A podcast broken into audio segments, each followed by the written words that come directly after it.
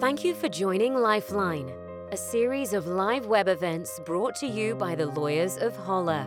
The coronavirus outbreak has had a major impact on practically every organization and business. As the spread of the COVID 19 pandemic continues, business leaders struggle with questions like How do I protect my employees? Or How do I ensure the continued service to my customers? And How do I minimize the risks that threaten the continuity of my organization? This series is intended to keep the leaders of businesses and public organizations up to speed with vital legal know how and to help them identify and effectively deal with the most urgent risks. Welcome to this latest edition of Lifeline.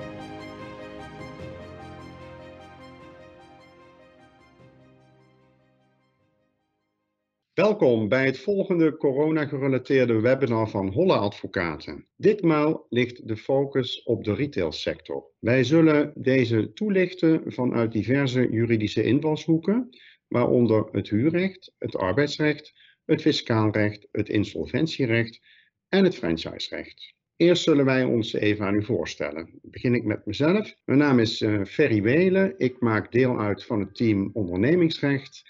In het kader daarvan houd ik mij bezig met contracten, nationaal en internationaal, onder andere ook franchisecontracten. Egbert Schallers, ik maak onderdeel uit van de afdeling vastgoed en ik hou me ook bezig met huurrecht. Mijn naam is Angela Ruiter, ik maak onderdeel uit van het team uh, arbeidsrecht en ik hou me daarbij bezig met de NOW. Mijn naam is Lennart van der Peppel en ik maak onderdeel uit van het team Fiscaal Recht. Ja, mijn naam is Lars de Molde. Ik zit in het team Financiering, Zekerheden en Insolventie en ik word met regelmaat aangesteld als curator in faillissementen. Ja, de retailsector in deze coronatijden heeft het zwaar. De coronacrisis is begonnen als een gezondheidscrisis, maar heeft inmiddels enorme economische repercussies. De retailsector is in het bijzonder zwaar getroffen lage omzetten, publiek dat wegblijft, publiek werkt thuis, publiek gaat niet in het centrum gezellig winkelen, publiek is bang om besmet te raken, publiek houdt de hand op de knip. Personeel kampt ook met vragen, is mijn baan nog zeker, loop ik besmettingsgevaar? En de retailer heeft natuurlijk wel kosten die gewoon betaald moeten worden. De huur moet betaald worden, het personeel moet betaald worden. En de omzet blijft achter. Wij zullen vandaag de nodige casusposities behandelen die bij ons zijn binnengekomen. Deze zijn uh, volledig geanonimiseerd en zijn puur fictief qua naam. Wij zullen een aantal vragen de revue laten passeren, zoals kan ik matiging uh, verlangen van de huur op basis van de huidige coronamaatregelen? Wat kan de NOW voor mij betekenen en wat betekent de eventuele verlenging van de NOW voor mij? Welke fiscale steunmaatregelen zijn interessant voor mij? Welke rechten kan de leverancier van een failliete retailer uitoefenen bij de curator? En wat kan ik als franchisenemer van de franchisegever verlangen onder de huidige omstandigheden? Zelf heeft u ook de mogelijkheid om actief te participeren. U kunt uh, vragen uh, aan ons stellen, die worden hier live kenbaar gemaakt uh, via de live chat en wij zullen aan het eind van ons webinar daarop ingaan. Nu eerst geef ik het woord aan mijn collega meester Egbert Schelhaas in zaken het huurrecht. Dank je Ferry. Kijk, de vraag natuurlijk waar u allemaal mee zit en nou, dat is een beetje de olifant in de kamer. Moet ik als huurder nou de volledige huur blijven betalen of niet? We hebben al een vrij uitvoerig seminar gegeven over huur en corona, dus ik hou het ook heel erg beknopt. Ik zal wel even de hoofdlijnen aangeven. Ik stel voorop dat het bij retail wat lastiger is dan bijvoorbeeld de horeca of een dagberoep. Daar zijn de ondernemingen op last van de overheid gesloten. Daar konden en mochten de ondernemingen niet worden uitgeoefend. En bij retail ligt het iets diffuser. Uh, daar kom ik straks nog over te spreken. Ik moet eerst kort ingaan op het juridisch kader. Uh, er zijn twee juridische haakjes voor een huurvermindering verlaging zo wilt. Eén is het huurrechtelijke haakje. Is het een gebrek? Nou, wat is een gebrek? Twee onderdelen. In de eerste plaats, het moet een genotsinbreuk zijn. Nou, dat lijkt me hierbij het geval. Als u winkelier bent, u bent retailer, dan heeft u niet het genot dat u normaliter van de winkel heeft. Immers, nou de bekende maatregelen, opeens komen er weinig, misschien wel geen bezoekers meer in de winkel. En in de tweede plaats, en dat is het criterium waar het in de praktijk eh, vaak om draait, is die genotsinbreuk aan de huurder toerekenbaar. Nou, het verleden heeft te zien gegeven dat eigenlijk allerlei factoren op het gebied van achterblijvende bezoekersaantallen, een algemene economische crisis, werd eigenlijk altijd wel door de rechter toegerekend aan de huurder. Met het idee, je sluit een huurcontract, zet je handtekening onder, dat is het uitgangspunt. Ja, dat het achterblijft, dat het tegenvalt, dat kan een keer gebeuren. Ik denk dat het hier anders ligt. Ferry uh, refereerde al even aan een gezondheidscrisis. Die hebben we natuurlijk eh, eigenlijk sinds de Spaanse griep niet meer gehad in Nederland. Dat is denk ik ook niet iets waar een huurder mee rekening kon houden. En het gaat bij die toerekening om wat leeft er in de maatschappij? Wat is het idee in de samenleving? Nou, ik denk dat het idee in de samenleving wel zal inhouden dat als er sprake is van een uh, behoorlijke inbreuk op het huurgenot, dat niet volledig voor rekening van de huurder komt. Er zijn nog geen gerechtelijke uitspraken over, dus het blijft nog een beetje koffie kijken, maar dat is hoe wij er in ieder geval tegenaan kijken. Dus nogmaals, eerste haakje, huurrecht is sprake van een genotsinbreuk. In de tweede plaats, en daar zal Ferry ook nog, uh, nog op ingaan, heb je de regeling die voor alle contracten geldt, namelijk onvoorziene omstandigheden. Kun je ook voor huurrecht uit de kast trekken. Waarom zou je dat doen bij huurrecht? Omdat verreweg de meeste huurovereenkomsten zijn zogeheten ROZ-huurovereenkomsten. Het model van Raad Onziende Zaken is gebruikt. En daarin is de mogelijkheid om huurprijsvermindering te vorderen uitgesloten. En dat maakt het heel lastig om op te treden op basis van een gebrek. Want bij gebrek kun je huurprijsvermindering vorderen en dat is uitgesloten. En in principe geldt het. Dus nogmaals, onvoorziene omstandigheden. Nou, is het onvoorzien? Ja, dit is onvoorzien. Vervolgens krijg je ook hier de vraag, de toerekening. Is dit nou aan de huurder toerekenbaar? Ja, ook hier luidt eigenlijk hetzelfde antwoord als bij gebrek. Wij denken dat uh, in de samenleving toch ja, al omgedacht wordt, dit is niet iets dat volledig voor rekening van de huurder kan komen. In het verleden eigenlijk, ja ook hier, net als bij het gebrek, bijna alle omstandigheden, heel veel omstandigheden zijn altijd wel voor rekening van de huurder gebracht. Al, algemene economische crisis, tegenvallende dingen, onvoorziene omstandigheden is echt een is iets waar je niet gemakkelijk een beroep op kunt doen, maar wij denken dat in deze situatie dat beroep zeer zeker kansrijk is. Vervolgens uh, rijst de vraag, wat kun je doen op basis van een onvoorziene omstandigheid? Nou, de overeenkomst kan door de rechter worden aangepast. En dan heeft de rechter bijzonder veel vrijheid. Wat het meest voor de hand ligt, denken wij, is dat een rechter in een voorkomend geval een huurprijsvermindering toekent over een bepaalde periode, in ieder geval over de periode dat er een behoorlijke last is geweest van de coronamaatregelen. Ik switch even naar een van de vragen die is binnengekomen. Een van de vragen hield in van, kan de rechter nou ook een omzetafhankelijke huur bepalen? Nou, in theorie kan het. Nogmaals, de rechter is behoorlijk vrij bij de uh, toekenning van de gevolgen, maar wij zien het niet heel snel gebeuren. De huurovereenkomst is en blijft het uitgangspunt. En als de huurprijs, een vaste huurprijs per maand, zou worden veranderd voor de toekomst in een huur, of een omzetafhankelijke huur, dat is, denken wij, een te grote inbreuk op de huurovereenkomst. Nogmaals, wat wel mogelijk is, is dat de huurprijs wordt verminderd gedurende een bepaalde periode, waarbij de omzet natuurlijk zeker een belangrijke rol speelt. Nou, als je nou kijkt naar dit juridisch kader, twee haakjes, en je gaat naar retail, dan zijn een aantal situaties denkbaar. En nogmaals, anders dan de horeca ligt het hier wel wat diffuser. Aan de ene kant van het spectrum heb je de kleine winkelier, de kledingwinkel in de binnenstad. En opeens vanaf 15 maart komt er bijna niemand meer. Hij heeft een persoonlijke service, heeft geen webshop, zijn personeel is bang om geïnfecteerd te raken, is misschien wel ziek, blijft thuis. Hij heeft echt geen omzet meer. En vervolgens, om de situatie nog even wat duidelijker te maken, hij heeft een verhuurder, een grote verhuurder, met heel veel vastgoed, heeft het geld niet hoeven lenen, heeft geen financieringsverplichtingen. Nou, dat is even om een mooie tegenstelling aan te geven. Vervolgens kun je ook kijken naar een andere situatie. Je hebt een retailer, die heeft een interieurwinkel, die zit buiten de stad, is wat beter toegankelijk. Ook daar een behoorlijke afname. Rutte heeft immers het funkshoppen verboden. Hè, blijf thuis, blijf thuis. Dus ook daar een behoorlijke afname. Maar goed, het personeel kan die regelen. Hij heeft een webshop. Er komen nog veel mensen. En hij heeft, om het verhaal nog even wat, uh, wat meer aan te dikken, een verhuurder, kleine verhuurder, met pensioen, 85 jaar oud. En die moet zijn pensioen eruit halen.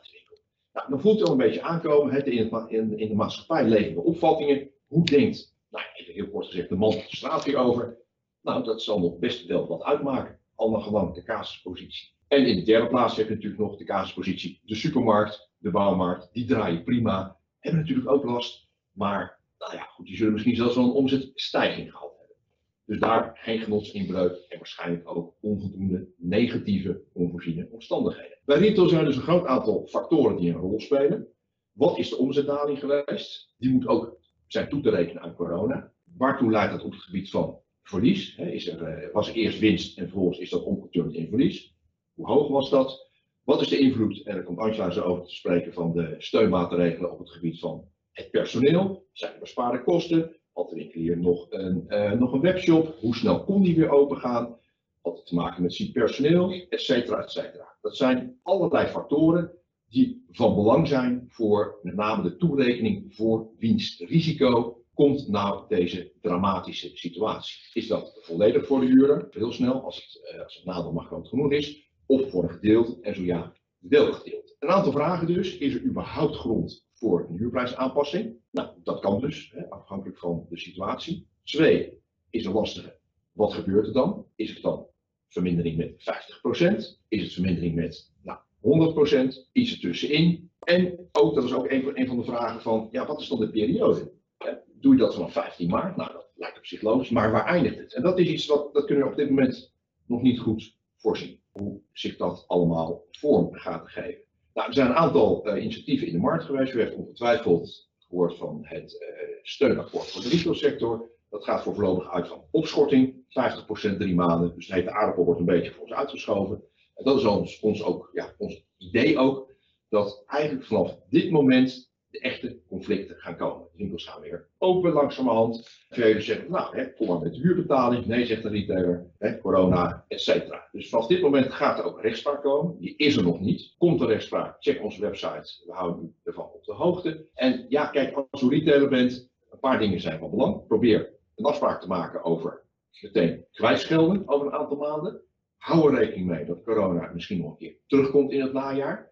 Dus sluit liever geen regeling tegen finale kwijting nu en in de toekomst. Administreer alles goed. Wat is de omzetdaling geweest? Wat is de invloed op het resultaat? Wat voor maatregelen heeft u getroffen? Wanneer bent u weer open gegaan? En wat is de invloed geweest van de steunmaatregelen? En dat is iets, daar kan Angela u alles over vertellen in het kader van het arbeidsrecht. Kerry gaf er even aan aan het begin de, in de inleiding. Een van de kostenposten waar uh, ondernemers en werkgevers op mee te maken hebben zijn de doorlopende loonkosten. Uh, daarvoor is door de overheid het en de NOW in het leven geroepen. Voluit de noodmaatregel ook opbrugging voor behoud van werkgelegenheid. Een hele mond vol.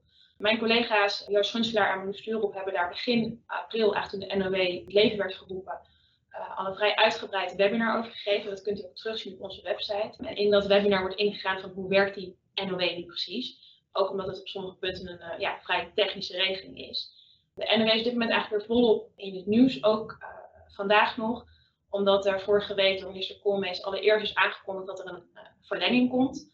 Uh, vandaag is zelfs gebleken dat die verlenging uh, tot en met september gaat zijn, in plaats van tot en met augustus. Dus er komt er nog een extra maand bij. En er zijn eigenlijk twee pakketten, om het zo maar noemen, even te onderscheiden. De NOW 1, waarvoor een aantal voorwaarden gewijzigd zijn, en NOW 2, waarbij ook een aantal voorwaarden zijn toegevoegd.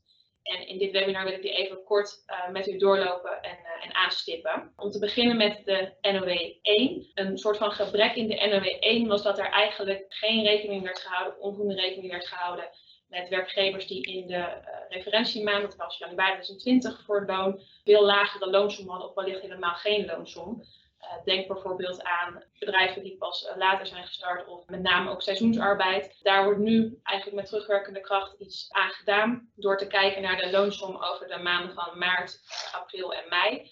Als die loonsom gemiddeld hoger is dan drie keer de loonsom van de maand januari, dan wordt de hogere loonsom in aanmerking genomen voor ja, de berekening van de subs uiteindelijke subsidie en nu het voorschot van de NOW. Als u als werkgever daarvoor al een aanvraag had ingediend en die zou zijn afgewezen om die reden, uh, dan zal het UWV als het goed is zelf gaan benaderen. Heeft u nog geen aanvraag ingediend om die reden, dat u dacht dat u niet in aanmerking zou kunnen komen, dan kunt u dat alsnog doen. Uh, de termijn is namelijk verlengd tot en met 5 juni. Dus het was eerst 31 mei, maar vanwege die wijziging en vanwege het feit dat er misschien ondernemers zijn die nog niet een beroep de NOW 1 hebben gedaan, dus dat wel hadden kunnen uh, willen doen nu met deze wijziging, is daar dus nog de mogelijkheid toe. Daarnaast was de praktijk, of is de praktijk, dat er best wel wat werkgevers zijn die een dertiende maand uitbetalen in januari van ieder jaar. Daardoor uh, was de loonsom eigenlijk kunstmatig hoger dan dat die in andere omstandigheden zou zijn.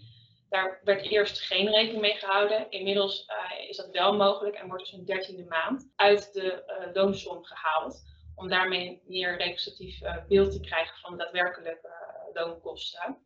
Uh, daarbij wordt wel opgemerkt dat het alleen de dertiende maand betreft en dus andere incidentele bedragen die in januari toevallig zijn betaald, daarvoor geldt dat vooralsnog niet, omdat dat, ja, zegt de overheid, of zegt het uh, kabinet, niet uitvoerbaar is. Een ander belangrijk punt, althans ik kan me voorstellen dat het een belangrijk punt is voor uh, werkgevers die een beroep doen op de NOW, is dat de minister ook aan het UWV heeft gevraagd om vanaf juni, eind 2020, de namen van de aanvragers van de NOW, inclusief de verleende voorschotten en vastgestelde subsidies, op de website van het UWV openbaar te maken.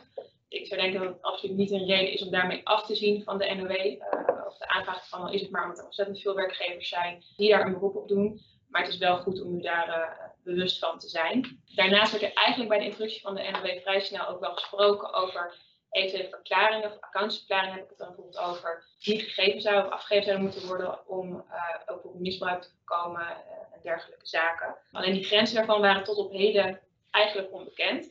Inmiddels zijn die bekendgemaakt en op het moment dat een ondernemer een voorschot ontvangt van een ton of uiteindelijk een subsidie, uh, zodra die vaststelt is van 25.000 euro of meer natuurlijk, dan is een accountantsverklaring verplicht. Zit u daaronder, maar heeft u nog wel meer uh, dan 20.000 euro voorschot gekregen of, een vaststelling, bij de vaststelling een bedrag van 25.000 euro of meer, dan zult u een verklaring van een derde moeten overleggen uiteindelijk. En daarbij heeft de minister aangegeven dat er bijvoorbeeld ook een verklaring kan zijn van een administratiekantoor. Mocht u nog tot slot te maken hebben met overgang van onderneming uh, in de afgelopen maanden, daar zijn ook wat regelingen voor, uh, regels voor getroffen gaat nu iets te ver om daarop in te gaan, maar ik weet in ieder geval dat daar ook uh, aandacht voor is geweest in de wijzigingen die de afgelopen tijd bekend zijn gemaakt. Dan ga ik nu even over naar de NOW 2. Uh, die ziet namelijk op de periode uh, vanaf juni, juli, augustus, september, zoals vandaag bekendgemaakt. De daadwerkelijke uitwerking van deze regels, die gaat waarschijnlijk pas ergens eind juni, begin juli bekendgemaakt worden. We hopen natuurlijk dat het zo snel mogelijk is, zodat we weten waar we aan toe zijn met elkaar. Maar als we daar meer over weten, dan zullen wij dat uiteraard op onze website zeggen, zetten. Voor nu is in ieder geval van belang dat er een aantal punten in ieder geval duidelijk zijn. Waarbij bijvoorbeeld de forfaitaire opslag, die ja, meetelt bij de uh, loonkosten die gecompenseerd worden. Dat was in NOE 1 was dat 30%, dat is inmiddels opgehoogd naar 40%. En dat zit dus op de opslag die u krijgt in de compensatie vanwege pensioenpremie, vakantiegeld en andere werkgeverslasten die u dus betaalt of bij bent als ondernemer naast de daadwerkelijke loonkosten. Die opslag gaat omhoog bij NOW 2. De referentiemaand voor de loonsom uh, wordt ook hier, in ieder geval wordt hier maart 2020. Een ander belangrijk punt is dat over de bonussen, de winstuitkeringen en de eigen aandelen. Misschien heeft u daar wat over gehoord heeft de afgelopen week al. Maar op het moment dat een bedrijf gebruik maakt van de NOW 2 straks duidelijk, uh, mogen er geen winstuitkeringen aan aandeelhouders worden gedaan. Er mogen geen eigen aandelen worden ingekocht voor het jaar 2020 en geen bonussen aan het bestuur en uh, de directie worden uitgekeerd. Daarbij is wel belangrijk dat deze voorwaarden gelden in het geval u als uh, ondernemer ook een accountantsverklaring dus verplicht bent om, uh, ja, zoals aan die grens van die accountantsverklaring. Het is dus niet zo dat dit direct voor alle ondernemers geldt. Er is wel ja, vanuit proportionaliteit voor de overheid doorgekozen, voor de minister gekozen, om dat niet voor alle ondernemers te laten gelden, maar dus dat te beperken tot degene voor wie een accountsverklaring uh, verplicht is bij de subsidie uh, uiteindelijk. We hebben natuurlijk te maken met een arbeidsmarkt die ontzettend aan het veranderen is, in beweging is. En daarvoor te sorteren vindt het kabinet ook belangrijk dat werknemers eigenlijk van, nou, we hopen natuurlijk niet, maar stel dat er iets gebeurt binnen het bedrijf, of dat ze uiteindelijk toch ontslagen zouden worden, dat er ook aandacht is besteed voor bij- en omscholing. Het wordt nog uitgewerkt hoe dat er precies moet gaan uitzien, want er komt daarvoor ook nog weer een soort crisispakket onder de noemer uh, Nederland leert door. Maar weet, als u als werkgever NOW 2 uh, wil gaan aanvragen, uh, dan zult u moeten verklaren dat u uw werknemers de ja, benodigde bij- en omscholing zult gaan geven. En het laatste punt, en dat is eigenlijk vers van de pers zou ik willen zeggen, want daar is vandaag een Kamerbrief over gepubliceerd. Dat is wat er gaat gebeuren met de ontslagboete. Onder NOW 1 was het zo dat op het moment dat u een aanvraag heeft gedaan voor de, voor de NOW, dat u gedurende dat tijdvak geen personeel mocht ontslaan wegens bedrijfseconomische redenen via het UWV, omdat althans het mocht wel, maar dan zou u een boete krijgen. En die boete zou zijn eigenlijk 50%, dus het zou eerst gekort worden uh, met het bedrag voor loonkosten van de werknemer kwestie op de subsidie. En daarnaast zou u dan nog 50% boete krijgen gelijk daaraan. Die boete, ja, voor Minister is belangrijk dat die eigenlijk van tafel zou gaan bij NOW 2, omdat we te maken hebben met een nieuwe realiteit, waarin het ja, voorzien, te voorzien is, nu de coronapandemie langer duurt, dat we niet door kunnen gaan bij alle bedrijven met dezelfde personele bezetting als uh, voorheen. Uh, en dat er mogelijk toch gedwongen ontslagen zullen moeten gaan vallen. Tot eigenlijk uh, begin deze week was daar nou, het idee, de beslagboete komt volledig te vervallen.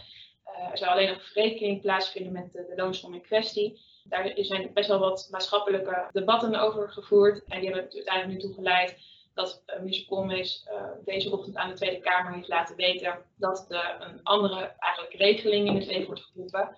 Op het moment dat een werkgever uh, 20 werknemers of meer wil ontslaan, dan zal de werkgever met de, nou, de vakbonden of een andere organisatie die ja, de vertegenwoordiger, werknemers om de tafel moeten om ofwel een akkoord te bereiken over de uiteindelijke ontslagaanvraag, dan wel als dat niet het geval is of het niet lukt, dat er een uh, mediationverzoek moet worden gedaan bij een op te richten commissie van de Stichting van de Arbeid. Wordt niet aan die voorwaarden gedaan, als er geen akkoord wordt bereikt, wordt er geen mediationverzoek. Dan zal de werkgever uiteindelijk gekort worden voor 5% op de uh, ja, subsidie die u uh, anders zou krijgen. Het is wel zo dat de vraag is van, in hoeverre is dit nu zeg maar, echte overwinning bijvoorbeeld voor de vakbonden in kwestie.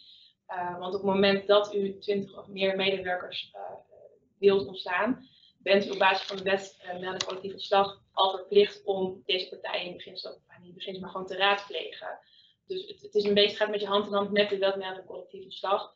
Het is even de vraag dat ook dat weer verder zal, uh, zal gaan uitwerken. Maar ja, de, ontslagboete die u op voorhand al zou krijgen bij NOW 1, die is in ieder geval uh, van tafel in die vorm. En daarvoor in plaats van dus 5% ja, korting die dan geen akkoord heeft bereikt of wel een geen mediation verzoek heeft gedaan. Dat even wat betreft de NOW. Als u daar vragen over heeft, stel ze, stel ze gerust. Waar mogelijk zal die natuurlijk beantwoorden. Al zijn we nog even afhankelijk van de daadwerkelijke uitwerking die op zich laat wachten. Een ander punt dat wij zagen terugkomen in de vragen die u gesteld heeft uh, bij dit webinar, is hoe uh, om te gaan met bijvoorbeeld personeel wat u in functie A laat werken, maar vanwege de coronapandemie ja, dat werk eigenlijk opgedroogd is, in ieder geval tijdelijk opgedroogd is uh, in deze zaak, kunt u dat, die medewerkers op andere werkzaamheden laten verrichten. Een beetje afhankelijk van het geval. Heeft u in uw arbeidsovereenkomst de treffende medewerker op de CAO staan dat u van uw werknemer mag verlangen uh, om andere werkzaamheden te verrichten, dan kunt u dat in beginsel aan die werknemer vragen en zal de werknemer daar ook in beginsel positief moeten reageren. Daarin staat in ons werkgever vrij uh, sterk. Waarbij natuurlijk wel uitmaakt of dit voor langdurige periode is, of het inderdaad om een paar weken gaat en echt ingegrepen is door de coronapandemie. Maar u staat als werkgever wel aanzienlijk sterker. Heeft u dat niet in uw arbeidsovereenkomst staan of is er geen afspraken over gemaakt en wordt er enkel gesproken over de eigen uh, functie, ja, dan komen we eigenlijk met je het kader van de redelijkheid en billijkheid. En zoals in het arbeidsrecht noemen we dan goed werkgever, goed werknemerschap. Of u dan van uw werknemer mag verwachten dat hij of zij andere werkzaamheden verricht zal met name afhankelijk zijn wat hetgeen wat u vraagt, periode waar het op ziet en dat soort ja, omstandigheden. Dus daar is geen pasklaar antwoord op, maar er zijn zeker wel mogelijkheden voor. Ik geef nu graag het, eh, het woord aan mijn collega Lennart voor de fiscale steunmaatregelen. Ja, dankjewel. Ja, we gaan dus inderdaad even kijken naar een aantal fiscale maatregelen in het kader van de coronacrisis. Uh, te beginnen met uh, de mogelijkheid om een coronareserve te vormen in de aangifte 2019. Stel dat een kledingwinkel wordt gerund door een BV die een verlies voorziet van in 2020.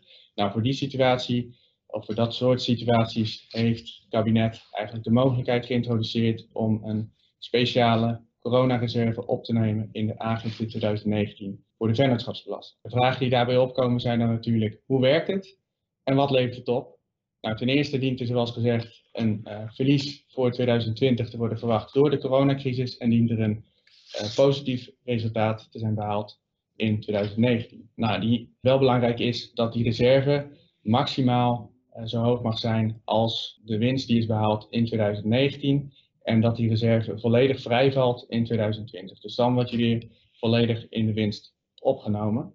Wat er dus eigenlijk gebeurt is dat het negatieve resultaat, zoals het wordt verwacht voor 2020, wordt verwerkt in uh, het resultaat van 2019. En nou ja, dit heeft tot gevolg dat uh, de te betalen vennootschapsbelasting voor 2019 lager is. Daarbij komen we ook al eigenlijk meteen bij het antwoord op de vraag wat levert het op, namelijk liquiditeit. U heeft meer geld over, zodat u minder belasting hoeft te betalen voor 2019. En zo kunt u nou ja, beter aan de verplichtingen voldoen en zich door de lastige periode heen slaan.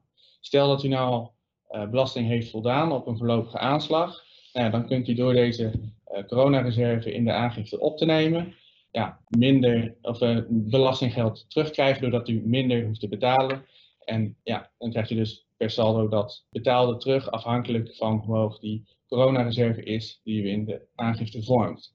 Als u al een aangifte 2019 heeft gedaan en daarin nog geen uh, coronareserve heeft gevormd, dan uh, kunt u opnieuw een aangifte doen en daarin wel die coronareserve vormen met een verzoek om een vermindering van de voorlopige aanslag. En dan komen we eigenlijk weer terug bij die vorige situatie. Dan krijgt u dus belastinggeld terug voor zover ja, die coronareserve zo hoog is dat er geld terug moet komen op hetgeen dat al betaald is. Nou, het, uh, advies hierbij is dan dus ook, stel de jaarrekening op, dien die aangifte in en vorm daarbij ook uh, die coronareserve. Dan heeft u zo snel mogelijk de beschikking over die middelen om aan de verplichtingen te kunnen voldoen. Er is alleen wel één situatie waarvoor ik u wil behoeden en dat is de uh, mogelijkheid dat de vorming van zo'n coronareserve kan leiden tot een verliesverdamping. En dat speelt in de situatie dat u verliezen heeft geleden in de jaren voor 2019 en die verliezen eigenlijk zou willen verrekenen met het positieve resultaat van uh, eh, 2019. Voor die situatie raadt de Kamer om eerst te berekenen wat er overblijft van het positieve resultaat van 2019, na verrekening van die eerder geleden verliezen en het, de uitkomst daarvan als maximum te nemen voor het vormen van die coronareserve. Als u namelijk geen rekening houdt met die eerder geleden verliezen, dan kan het zo zijn uh, dat er van het resultaat van 2019 niet voldoende overblijft om die verliezen te verrekenen. En als er dan de periode voor verliesverrekening afloopt in 2019 of u maakt niet voldoende winsten in de komende jaren en in die periode loopt de periode voor uh, verliesverrekening af, dan kan het zo zijn dat die verliezen zullen verdampen en dat is natuurlijk hartstikke zonde en dat, uh, dat moet worden voorkomen. Nou, dan kunnen we eigenlijk al meteen door naar de volgende fiscale maatregel, dat is de verruiming van uh, de vrije ruimte in de werkkostenregeling. Het kabinet heeft goedgekeurd dat uh, voor de eerste 4 ton van de loonsom van een werkgever uh, de vrije ruimte wordt verruimd met 1,3 procent. Dat betekent een maximale verruiming van 5200 euro. Dat is natuurlijk wel afhankelijk van hoe hoog de loonsom van, van een werkgever is. Maar uh, ja, het kabinet heeft het eigenlijk gedaan zodat werkgevers hun werknemers een, uh, een kunnen geven en zijn hart onder de riem te kunnen steken, bijvoorbeeld door een uh, postje bloemen te sturen. En vorige week is er nog een regeling bekendgemaakt op basis waarvan de eerder getroffen maatregelen, zoals de verlaging van de belastingrente en de invorderingsrente en het uitstel van betaling van belastingen, die zijn verlengd. En daarover hebben wij ook een update geschreven en op onze website geplaatst. Dus neemt u daarvoor ook vooral een kijkje op onze website. Dan wil ik nu eigenlijk wel het woord geven aan uh, Lars over de vraag welke rechten de leverancier kan uitoefenen tegen de curator van, bij het faillissement van een retailer. Ja, dankjewel Lennart. Uh, ja, de casus die ik ga bespreken ziet op het eigendomsvoorbehoud en het recht van reclame. Dit is vooral nu relevant, aangezien het erop lijkt, hoe vervelend ook, dat door de coronacrisis ook in de retailbedrijven het hoofd niet meer boven water kunnen houden en waarschijnlijk een aantal daarvan failliet zullen gaan. Nou, de casus is als volgt. U bent leverancier van kleding, u levert aan verschillende kledingwinkels. En een van uw afnemers die de koopsom voor de kleding nog niet heeft betaald, uh, die gaat failliet. Wat zijn dan uw opties en heeft u dan wellicht ook mogelijkheden om uw kleding terug te halen? Nou, die mogelijkheden zijn er zeker. Het is dan wel zaak om snel te handelen en ook een en ander van tevoren goed af te spreken. De, mogelijkheden, uh, de mogelijkheid die doorgaans het beste werkt en die ook het meest wordt toegepast, is een uh, beroep op eigendomsvoorbehoud. Een, een, een eerder uh, overeengekomen eigendomsvoorbehoud. Van belang hiervan hierbij is dat de afnemer normaal gesproken al eigenaar wordt op het moment van levering. Dus op het moment dat de afnemer de spullen feitelijk in bezit krijgt. Of er betaald is of niet, doet daarbij dus normaliter niet ter zake om te voorkomen dat de afnemer die op rekening koopt meteen eigenaar wordt, kan u als leverancier afspreken dat u levert onder eigendomsvoorbehoud. Hierdoor blijft de kleding juridisch gezien wel uw eigendom tot aan volledige betaling. Ja, wat, nu, eh, wat nu als de afnemer failliet gaat en u krijgt te maken met een curator, nou, dan is het zaak om snel te handelen, zoals ik al zei, en de curator aan te schrijven met de mededeling dat u de kleding onder eigendomsvoorbehoud heeft geleverd. Stuur daarbij ook meteen de stukken eh, mee waaruit uh, het eigendomsvoorbehoud blijkt, zoals uh, facturen, offertes en de algemene voorwaarden. Geef daarbij de curator een redelijk termijn, 14 dagen moet doorgaans voldoende zijn, met de vraag of hij alsnog nakomt dan wel de kleding af wil geven. De curator zal uh, volgens toetsen of uw eigendomsvoorbehoud rechtsgeldig is. Zo zal de curator onder meer nagaan of het eigendomsvoorbehoud wel voor of bij het sluiten van de koopovereenkomst is bedongen. Vaak wordt in de algemene voorwaarden een, algemeen, uh, een eigendomsvoorbehoud gemaakt. Om een geslaagd beroep te doen op algemene voorwaarden is het van belang dat voordat tot levering is overgegaan met de afnemer is overeengekomen dat deze van toepassing zijn. Daarnaast moeten de algemene voorwaarden voor of bij het sluiten van de overeenkomst te hand worden gesteld uh, om hier een geslaagd beroep op te kunnen doen. Het is dus aan te bevelen om een offerte uit te brengen uh, waarin expliciet is opgenomen dat algemene voorwaarden van toepassing zijn en vergeet dan ook niet om de algemene voorwaarden bij die offerte te voegen. Uh, de de curator zal ook toetsen of de zaken nog te identificeren zijn. Uh, om discussies te voorkomen is het raadzaam om de geleverde kleding uh, te voorzien van stickers uh, en labels met gegevens waaruit kan worden afgeleid, afgeleid tot welke leverantie deze hebben behoord en de gegevens van uw bedrijf. Op die manier kan achteraf worden vastgesteld welke kleding wel is betaald en welke niet en, en dat de kleding van u afkomstig is. Curator zal ook nagaan of u, een of als leverancier een eenvoudig eigendomsvoorbehoud bent overeengekomen of een verlengd eigendomsvoorbehoud. Het voordeel van een verlengd eigendomsvoorbehoud is dat u zich onder bepaalde omstandigheden op alle door u geleverde en dus ook reeds betaalde kleding kan verhalen en dus niet alleen op kleding uh, die nog niet is betaald. Uh, waar je daarnaast rekening mee uh, moet houden is dat op verzoek van de curator een afkoelingsperiode kan worden afgekondigd. Dit is een periode van maximaal twee maanden, waarin de curator in de gelegenheid wordt gesteld om de rechtsposities van alle betrokkenen in kaart te brengen en te onderzoeken of een doorstart mogelijk is. Gedurende deze periode kunt u de door u geleverde kleding niet ophalen.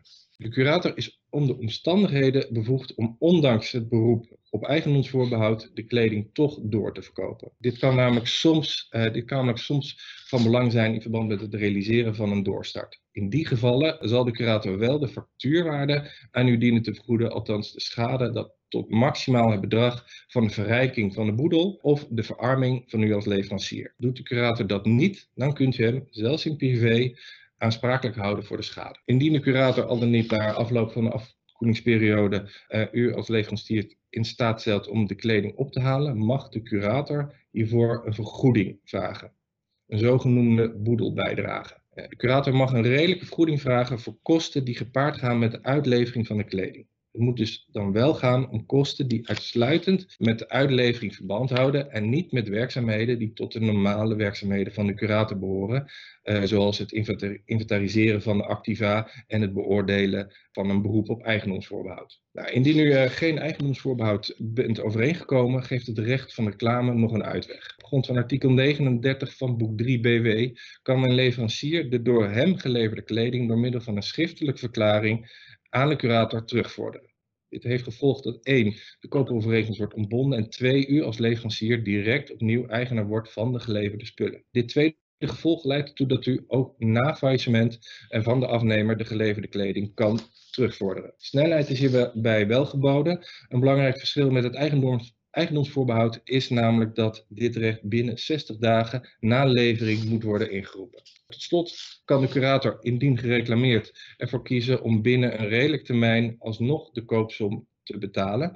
Uh, soms kan dit uh, voor de boedel gunstig zijn, aangezien uh, het reclamerecht daardoor vervalt. dan geef ik nu graag weer het woord aan Ferry Welen, die in het licht van de coronacrisis de positie van de franchise-nemer ten opzichte van de franchisegever zal bespreken. Dankjewel Lars. Ja, als uh, eigenaar van een kledingzaak in het hartje stad, in het centrum, heb je het zwaar. Het publiek blijft weg, de omzet keldert. Dan ga je maatregelen nemen. Je gaat je assortiment misschien wijzigen, je gaat anders inkopen. Bepaalde merken wil je misschien niet meer in je winkel hebben. Je gaat misschien meer focussen op uh, online verkoop. Kun je allemaal doen als je baas in je eigen winkel, in je eigen toko bent. Maar bij een franchise-nemer, dan ligt dat anders. Dan zit je in een afhankelijke positie op grond van de franchise-overeenkomst. Je hebt mee te draaien in de formule van de franchisegever. Dus je kunt niet zomaar zelfstandig besluiten nemen. Ik zal um, focussen op twee aspecten. Allereerst ga ik in op de zorgplicht van de franchisegever. Is er een zorgplicht van de franchisegever op grond van de coronacrisis? Wat kan de franchisenemer verwachten? Wat mag hij verwachten van de franchisegever? En wat hoeft de franchisegever niet te doen? In de tweede plaats besteed ik aandacht aan de vaste fee. Het is al aan de orde geweest. De franchisenemer, de retailer, zijn lasten lopen door. Hij moet zijn personeel betalen. Hij moet zijn huur betalen. Hij moet ook een omzetgerelateerde fee betalen aan de franchisegever. Nou, dat is geen probleem, want die omzet is laag, dus die fee is laag.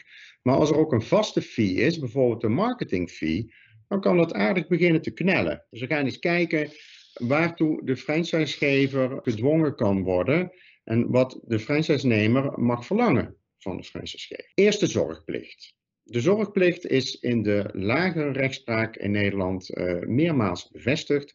De franchisegever heeft een zorgplicht, maar niet automatisch en niet op eigen initiatief. De franchise-nemer dient zelf initiatief te nemen, aan de bel te trekken bij de franchisegever en aan te geven waaraan hij exact behoefte heeft.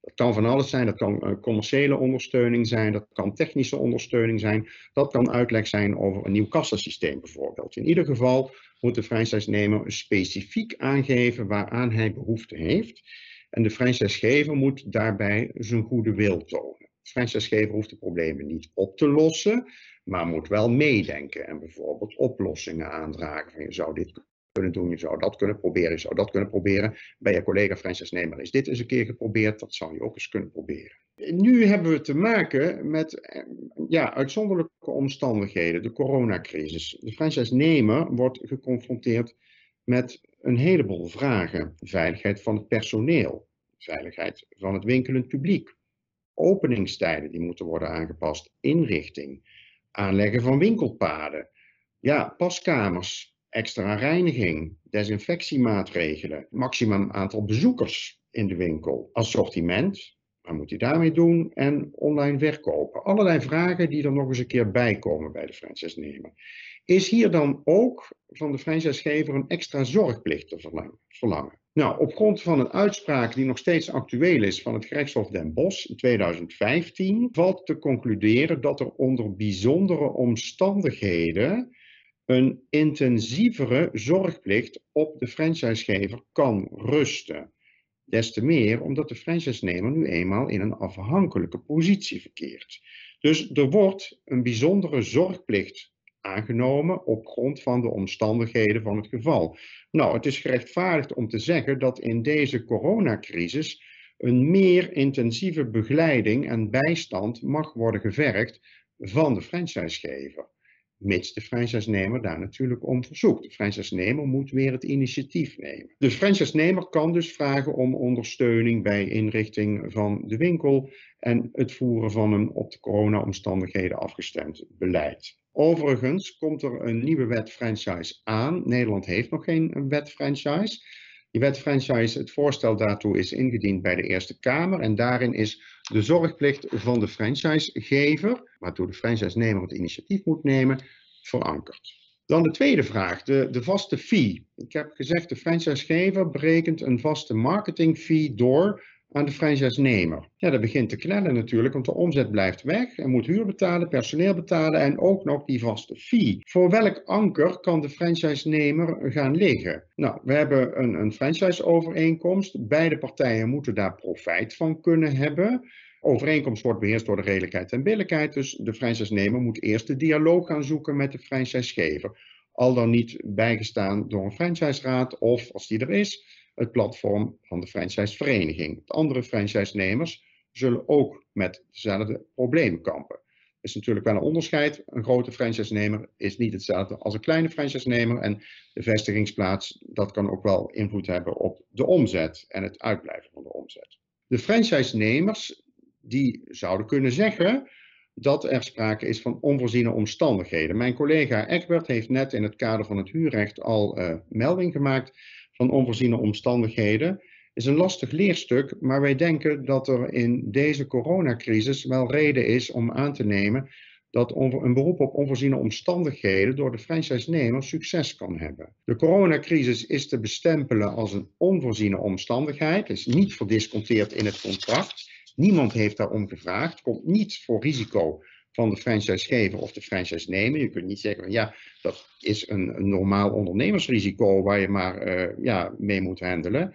Nee, het is een van buiten komende omstandigheid die uh, grote repercussies heeft. De vraag is dan of de franchisegever naar maatstaven van redelijkheid en billijkheid onaanvaardbaar handelt indien de franchisegever onverkort aanspraak blijft maken op betaling van die marketing fee. Nou, daartoe moeten we inzoomen op de omstandigheden van het geval. Wat is de omzet derving. Wat is de omzet die daar wegvalt? Worden er misschien toch nog omzetten behaald met een, een webshop of niet? Voor een kleinere franchise-nemer kan dat wat meer komen te knellen dan voor een grotere franchise-nemer. Kunnen niet alle franchise-nemers over één kam scheren. Iedere casus is hier verschillend. Kom je daar nu niet uit in die dialoog tussen franchise-nemer en franchisegever, dan kan de franchise-nemer naar de rechter stappen. En dan kan hij vragen aan de rechter om in te grijpen in deze contractuele relatie en verzoeken om deze marketing fee eh, achterwege te laten. Ik denk dat de rechter dan zal zeggen, nou, ik kan hier iets aan doen. Ik mag daar voorwaarden en termijnen aan verbinden. Zolang als de coronacrisis voortduurt, vind ik dat deze marketing fee pas op de plaats moet maken. Of dat dan de gehele marketing fee is of een deel daarvan, dat is dan de vraag. Want het kan ook zijn dat die marketing fee deels wordt besteed aan de centrale webshop, waar de franchise-nemer ook profijt van heeft. Maar het is uh, denkbaar dat de marketing uh, de vaste fee, van tafel gaat. Zo niet geheel, dan in ieder geval uh, gedeeltelijk. Dus onvoorziene omstandigheden zou hier een anker kunnen zijn waar de franchise-nemer voor het liggen. Dan ga ik eens kijken naar de vragen die binnengekomen zijn. Er zijn um, met name vragen binnengekomen.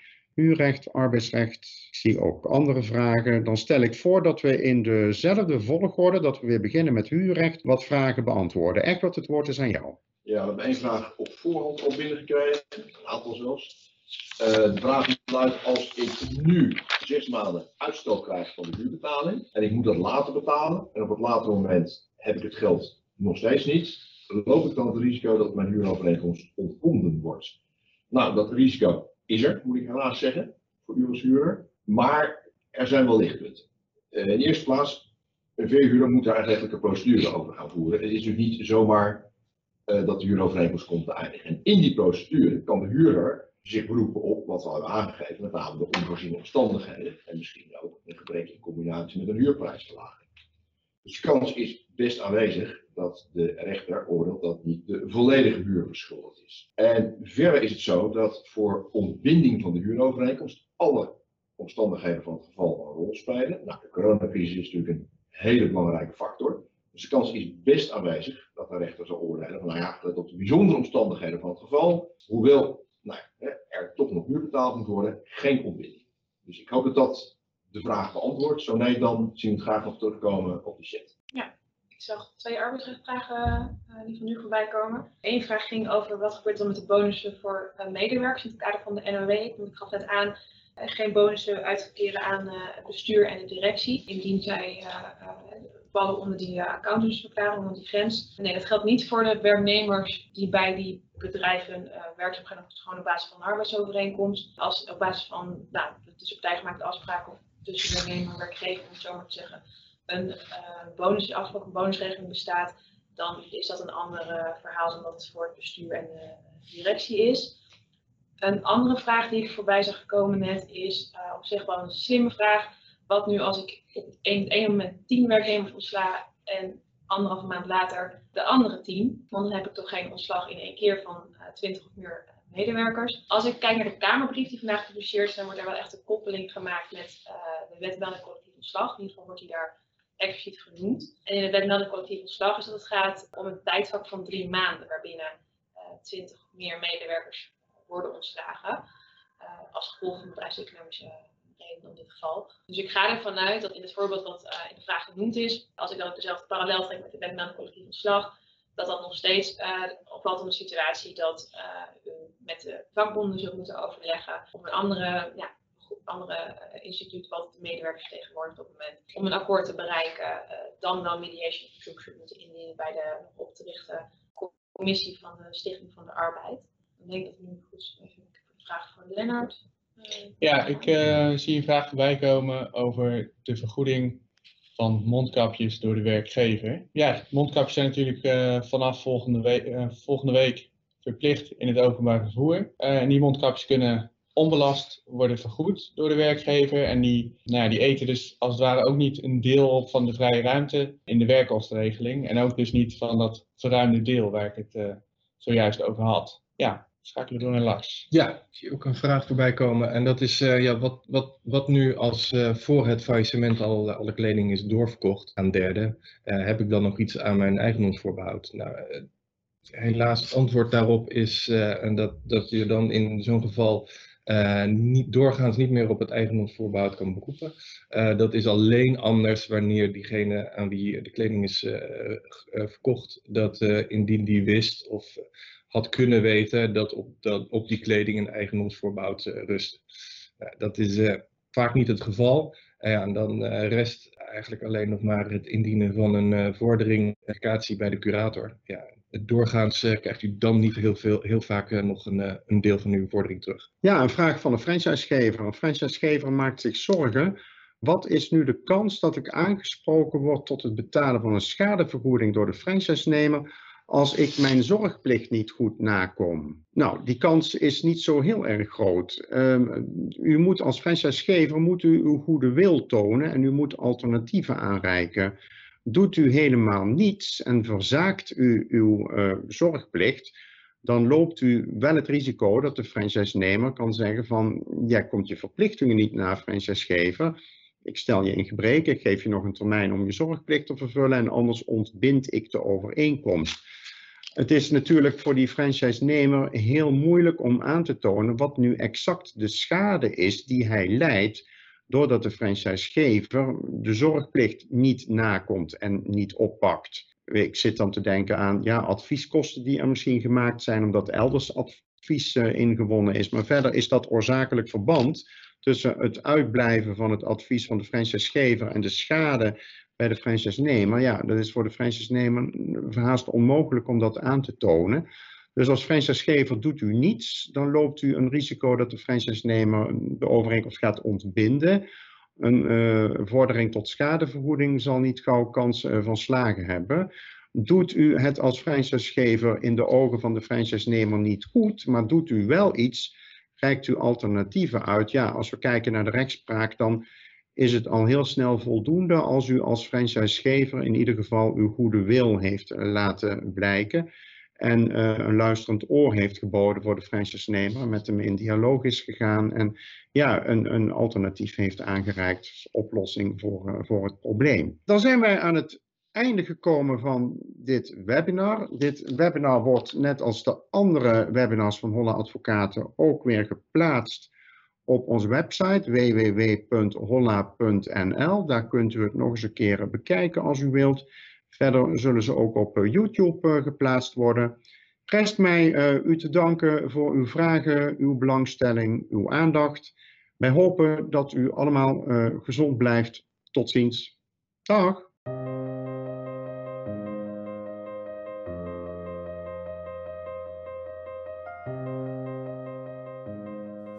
For listening to Lifeline, a series of web events brought to you by the Lawyers of Holla.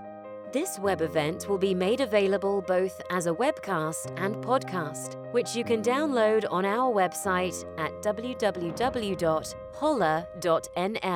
on LinkedIn, and on YouTube.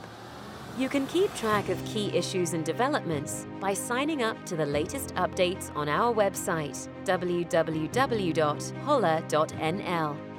Thank you for joining, and please stay tuned for the next episode of Lifeline.